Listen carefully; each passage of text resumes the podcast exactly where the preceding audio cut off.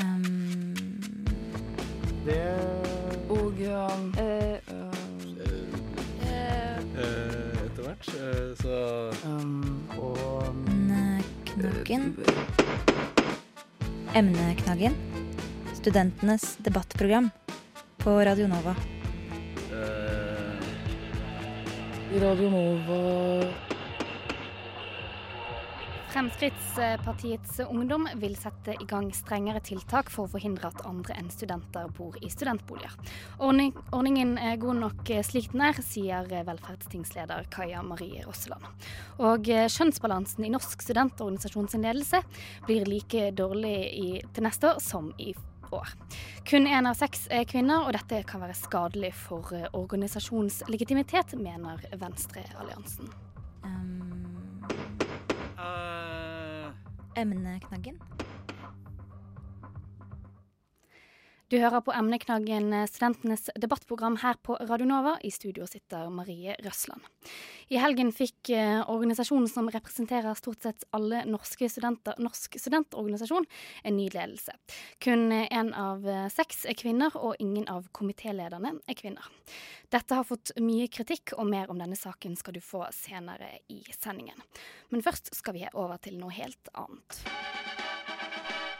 What? Radio Nova. FPU Oslo vil at eh, Studentsamskipnaden skal få rapporter om hvilken eh, leietakere som faktisk studerer. For eh, med dagens ordning så kan hvem som helst bo i studentboliger. Og Siri Uleberg, formann i Oslo FPU. Hvem, hvor, kan hvem som helst bo i en studentbolig i dag? Altså, sånn som vi har sett det, så er det sånn så lenge du betaler semesteravgift, så kan du fortsette å bo i, i en studentbolig. Eh, Vi fått de stikkprøvene som blir gjort, da, så er det det de, de ser på, og ikke hvorvidt du har en studieprogresjon eller ikke.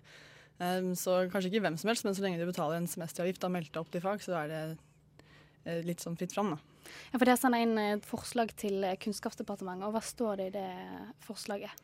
Nå blir det først sendt til, Oslo nei, til Frp sitt landsmøte, som er i starten av mai. og Det er også oversendt KUF-komiteen på Stortinget. Der står det at vi ønsker at man skal ha samme innsyn som Lånekassen har. At, eh, man, at eh, SIO skal kunne se hvem som tar eh, studiepoeng. Og hvis ikke du har innfridd de studiekravene ved enden av semesteret, så kan du ikke fornye leiekontrakten din. Så det står. Kaja Marie Rosland, leder i Velferdstinget i Oslo og Akershus. Er ordningen god nok sånn som den i dag, når det blir påpekt her at hvem som helst egentlig kan få bo i en studentbolig? Mm, Sånn som eh, ordningen er i dag, så må man ha minimum 50 studieprogresjon den oppgitte leieperioden for å kunne fortsette å bo der. Eh, og det må man dokumentere. I tillegg så er maks botid fem år. Eh, og man må være under 35 år. Um, eh, sånn som jeg ser løsninga i dag, så fungerer den ganske greit. Eh, SIO har satt en massiv opptrapping eh, med kontroller den siste perioden, og de utfører stikkprøver. Men eh, når det innfør, eller er stikkprøver, da, så viser det seg at eh, 10-15% av de stikk, eh, stikkprøvene som blir gjort, eh, gjør at man eh, får, må be studenter om å flytte ut, eh, eller ikke fornye leiekontrakten. Da er det vel mange som ikke oppfyller disse kravene, som fortsatt bor der. Det da kan vi virkelig se effekten av å gjøre disse stikkprøvene. Så kan vi se om man må gjøre dette hyppigere. Om det er en løsning man bør ta tak i. Eh, det som også er, det er jo svært ressurskrevende også å skulle utføre stikkprøver på eh, studenter i 8000 studentboliger. Fungerer ikke de stikkprøvene, da? Nei, også Du ser jo at de fungerer når de sjekker noen hundre, og så tar de 10-15 Eh, Så mener vi at eh, hvis det da er 10-15% av flere tusen, så burde det være enklere å ikke ha stikkprøver på alle sammen, at de får en enkel innrapportering, sånn som man gjør med Lånekassen. Og da har SIO oversikt over hvilke studenter som bor i studentboliger, og som egentlig ikke skal kunne bo eh, i studentboliger.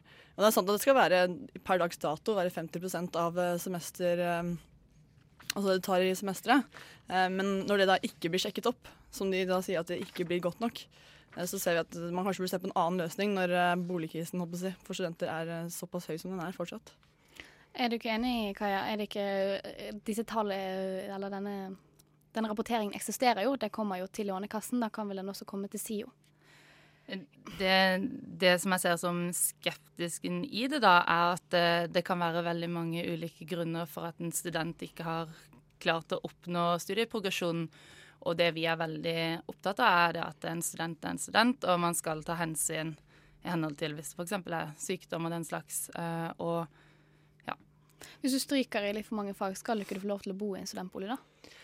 Altså, det, det kommer jo litt an på det samme, som, eh, de samme kravene som, som Lånekassen stiller, syns jeg at man også kan stille til studentboliger, for det er en studentgode. ikke sant? Eh, og da mener jeg at det samme som Lånekassen sier, har du vært syk, eh, har du en gyldig grunn som gjør at du kan bevise at du har en tregere studieprogresjon, så får du f.eks. Eh, mindre lån på, på, på studielånet ditt hvis du kan bevise det. Ja, og da På samme måte kan det jo være i SIO. Hvis du kan bekrefte at du har hatt langvarig sykdom, f.eks., eh, så kan du bekrefte det, og da har du dokumentert, og da burde det selvfølgelig gå fint. Er du enig i dette, Kaja?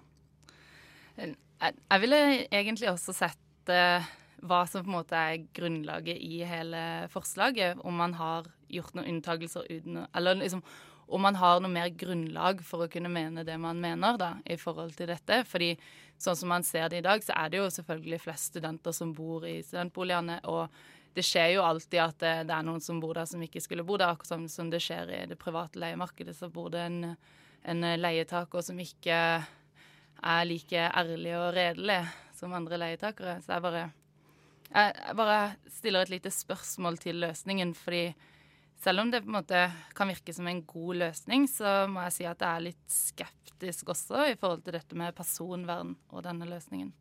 Er det virkelig et uh, inngrep på personvern? Når, altså, skal ikke det være mulig for SIO å kunne få det samme som det Lånekassen uh, får?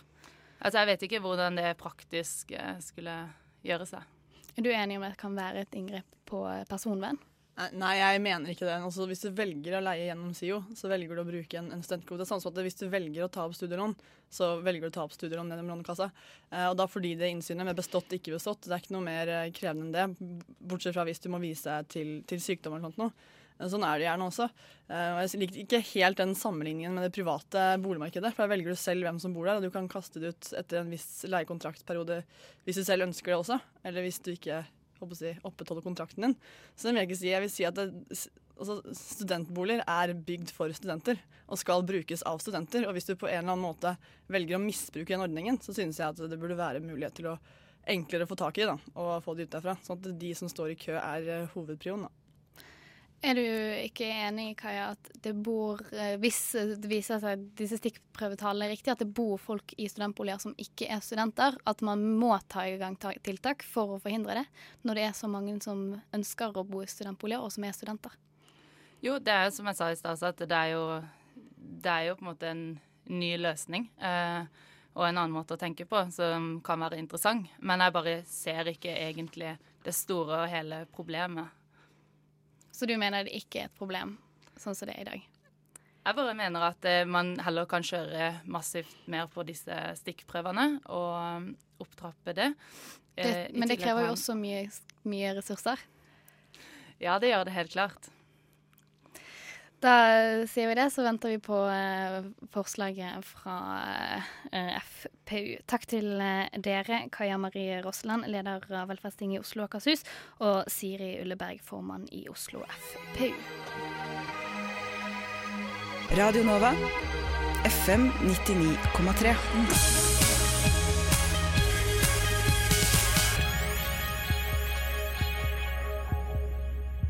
I helgen ble ledelsen i Norsk studentorganisasjon valgt.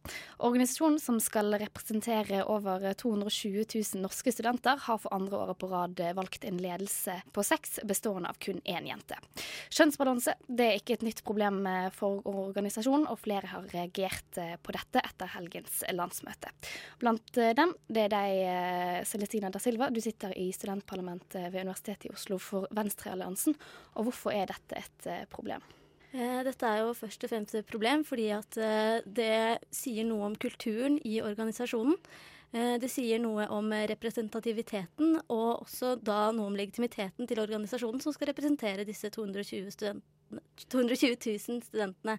Når studentmassen består av 60% kvinner og 40% menn, og man fortsatt får en sjettedel av ledelsen til å være kvinner, og ikke bare det at alle komiteene også blir ledet av menn, har vi et problem.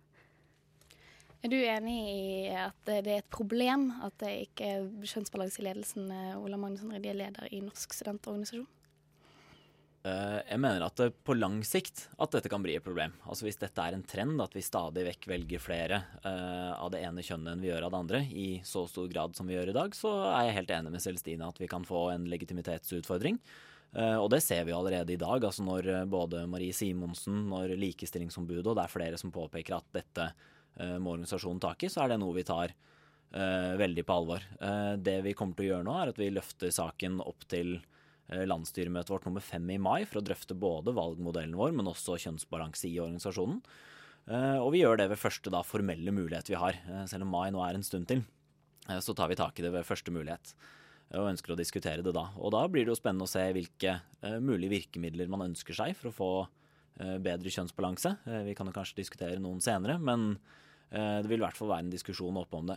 Men så er det litt for eh, historien også, fordi de tre første årene vi hadde NSO, nå er vi inne i det fjerde, så var det tre kvinner og tre menn i alle arbeidsutvalgene. Da var det helt kjønnsbalanse.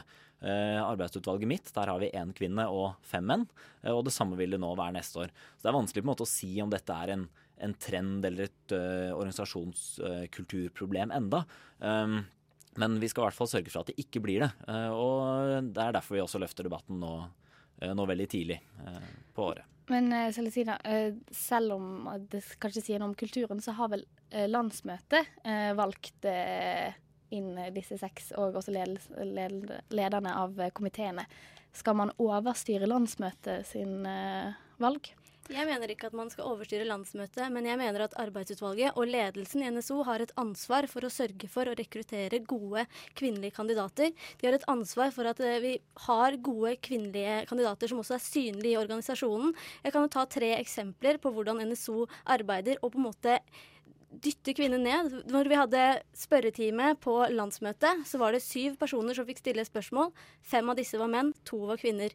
Når Erna Solberg var på kontoret til NSO, var det ingen kvinner som fikk stille spørsmål. To personer ble plukket ut i salen. Dette var to menn og Ola, som også snakket.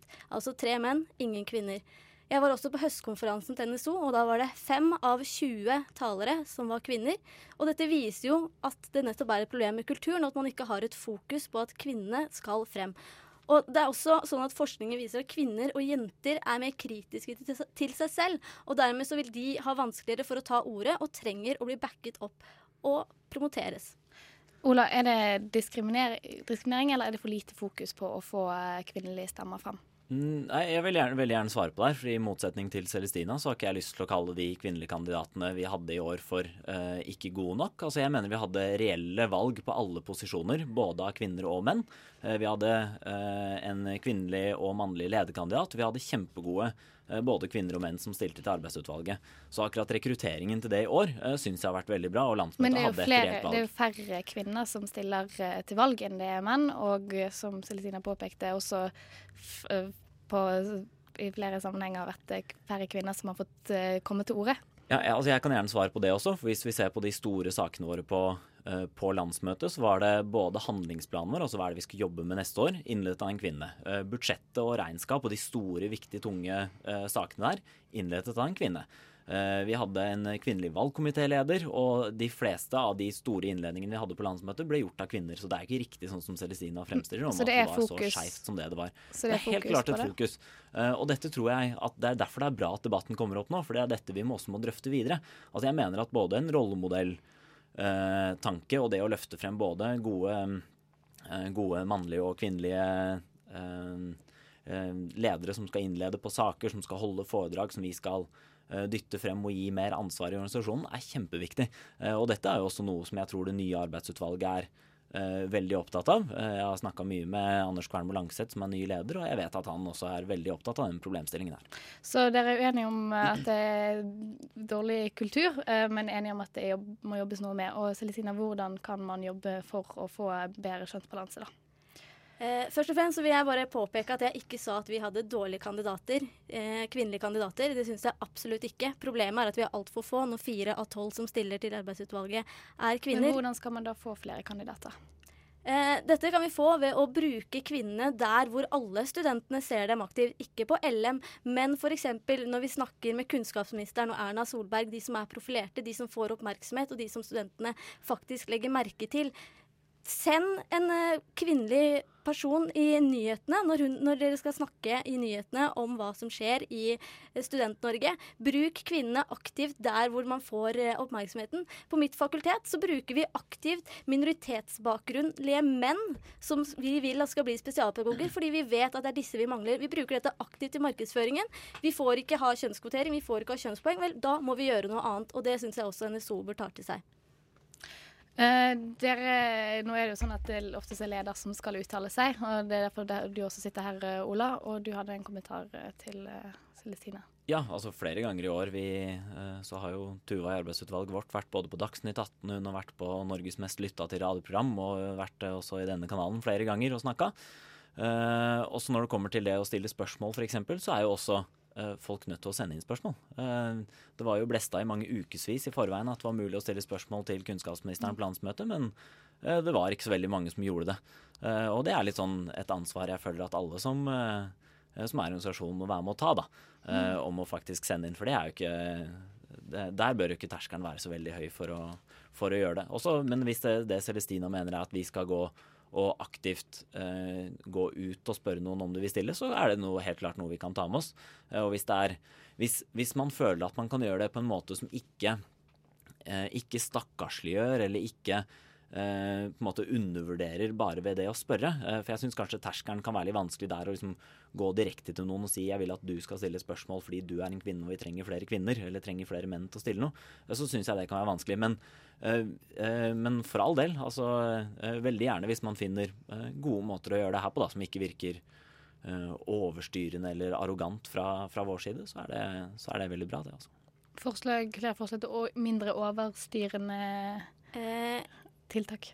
Jeg mener jo at det ikke nødvendigvis trenger å være overstyrende. Jeg tror det har veldig mye å si hvordan man eh, kommer til disse kvinnene og spør om de kan stille opp. Om du kommer til eh, en av eh, parlamentslederne som er kvinner og spør Hei, det hadde vært kult om du hadde stilt spørsmål til statsministeren. Hun kommer til vårt kontor den og den datoen. Så ville ikke hun følt seg undertrykt. Det er jeg ganske sikker på. Og jeg mener at det du driver med, er ansvarsfraskrivelse og si at det er de som har et ansvar. Det er du som sitter og er ledelsen i NSO, og da er det ditt ansvar å sørge for at de gode kvinnene og de gode kandidatene vi har i NSO, blir hørt og får være med i debatten og være aktive og kunne være forbilder for andre kvinner som kan f.eks. ta din plass i fremtiden.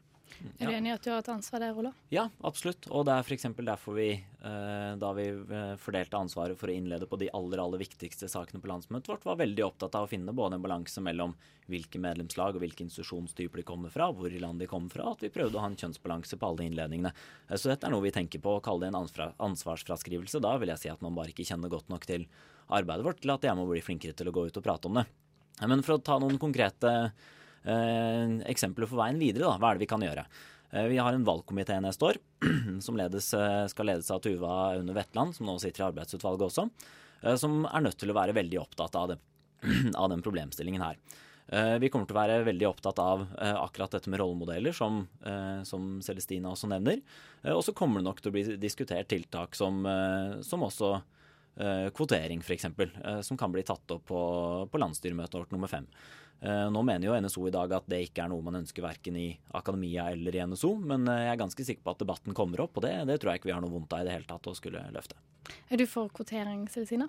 Ja, jeg er absolutt for kvotering. Og det jeg tror vil skje hvis vi innfører kvotering, er at kvoteringen vil ha en effekt på prosessen og nettopp føre til at flere jenter tør å stille. Det er det som skjer i de fleste fora hvor man innfører kvotering. Man får flere alternativer, og istedenfor at, er at man kvoteres inn, så har man rett og slett mange flere valgmuligheter av det underrepresenterte kjønn. Og så eh, litt tilbake igjen til for eh, Når man da består, en ledelse bestående av kun én jente, som du har vært en del av nå det siste året, har man merket at det har vært behov for en jevnere kjønnsbalanse?